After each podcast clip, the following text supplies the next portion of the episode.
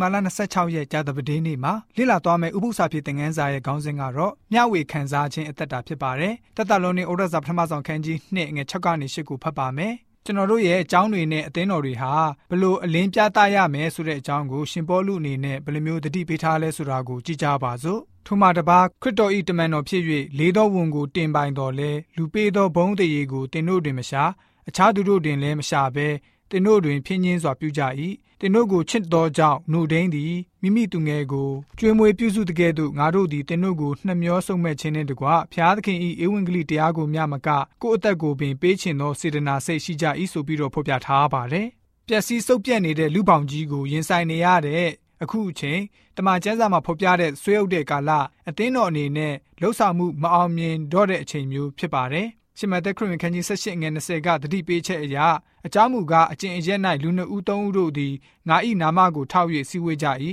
ထိုအရက်၌သူတို့အလယ်မှာငါရှိသည်ဟုမိန့်တော်မူ၏ဆိုပြီးတော့ဖော်ပြထားပါတယ်ဓမ္မတစ်ကျမ်းဟာယုံကြည်သူတစုတို့ရဲ့အိမ်တော်စုကလေးကနေစတင်ပြီးတော့မှအသင်းတော်ဖွဲ့စည်းခြင်းစနစ်ကိုကြိုတင်မြင်တွေ့ထားပါတယ်အဖွဲ့ငယ်လှူရှားမှုဆုတောင်းမှုတခြင်းဆိုချီးမွမ်းမှုပွဲတော်ကျင်းပမှုနှုတ်ကပတ်တော်ကိုလေ့လာဝေငှပြီး တဦးနဲ့တဦးအားပေးတိုက်တွန်းမှုတွေပြုလုပ်ရပါမယ်။အဲ့လိုပထမဦးဆုံးဝပြုကုကွယ်ခြင်းအစုအဖွဲ့ကလေးကနေအသင်းတော်ကြီးအဆင့်အထိကျောင်းအဆင့်အထိဖြစ်လာခဲ့ပါတယ်။အဲ့ဒီနေရာတွေမှာလည်းပဲအသစ်သောအသင်းဝင်တွေအတွက်မိတ်ဆက်ပွဲနဲ့ကျမ်းစာကိုစတင်လေ့လာတာတွေပြီးတော့ယေရှုကိုတွေ့ရှိလက်ခံရတဲ့အသက်တာအသစ်ကိုရရှိစေဖို့ဖြစ်ပါတယ်။ အဲ့ဒီအကြောင်းအရာနဲ့ပတ်သက်ပြီးတော့ရှင်ဘောလူကနေယောမဩရစာခန်းကြီး7နှစ်ငယ်2မှာဘယ်လိုမျိုးရေးသားထားလဲဆိုတော့တင်တို့သည်လောကီပုံတံကိုမဆောင်ကြနဲ့ကောင်းမြတ်သောအရာနှစ်သက်ဖွယ်သောအရာစုံလင်သောအရာဒီဟုသောဖျားသခင်အလိုရှိတော်မူသောအရာသည်အဘယ်အရာဖြစ်သည်ကိုသင်နိုင်မည်အကြောင်းစိတ်နှလုံးကိုအသစ်ပြင်ဆင်၍ပုံတံပြောင်းလဲခြင်းသို့ရောက်ကြလောဆိုပြီးတော့ဖော်ပြထားပါတယ်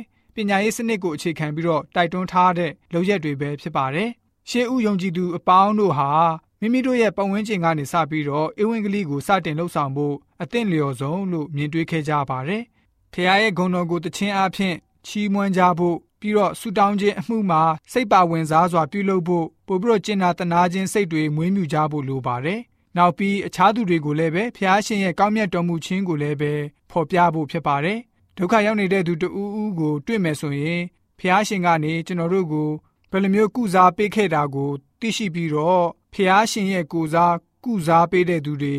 ဖြစ်ဖို့ဖြစ်ပါတယ်။ယနေ့လေ့လာရတဲ့အကြောင်းတွေကတော့ရှင်ပေါလုကနေဧဝံဂေလိတရားဟာအရာခတ်သိမ်းကိုအကျုံးဝင်နေတယ်လို့မိန့်မာချက်အကြောင်းဖြစ်ပါတယ်။ကားတိုင်းတော်ရဲ့တကူအကြောင်းပြီးတော့ခရစ်တော်ရဲ့ရှင်ပြန်ထမြောက်ခြင်းအကြောင်းပြီးတော့ဒုတိယအကြိမ်ပြန်လည်ကြွလာမဲ့ဂရိတော်အကြောင်းတွေဟာအင်မတန်မှကောင်းမွန်တဲ့သတင်းစကားတွေပဲဖြစ်ပါတယ်။ ဒါကြောင့်ရှင်ပေါလုရဲ့အသက်တာမှာဦးစားပေးတဲ့အရာကတော့သူ့ရဲ့အသက်ကိုယ်တောင်ပဒနာမထားဘဲနဲ့ယေရှုရှင်ရဲ့အကြောင်းကိုအကြီးမားဆုံးသောတိတ်ခါနဲ့စက္ကပ်မှုသဘောထားပြီးတော့အစွမ်းကုန်ဆောင်ရွက်ခဲ့ခြင်းဖြစ်ပါတယ်။ရှင်ဘောလူကနေဧဝံဂေလိလှုပ်ဆောင်တဲ့နေရာမှာကောင်းစွာနားလည်ထားရပါမယ်။အတွေ့အကြုံယူထားဖို့လိုပါတယ်။ရှင်ဘောလူရဲ့ဧဝံဂေလိလှုပ်ဆောင်ခြင်းအရာတွေကိုကျွန်တော်တို့အနေနဲ့ကောင်းစွာနားလည်သိရှိပြီးတော့အတွေ့အကြုံခံယူထားဖို့လိုပါတယ်။ အသက်တာတစ်လျှောက်လုံးမှာဝေငှတက်တဲ့ခံလှုပ်ဆောင်ရမယ့်အလုပ်ဖြစ်ပါတယ်။တမန်ကျမ်းစာရဲ့တွင်တင်ချက်က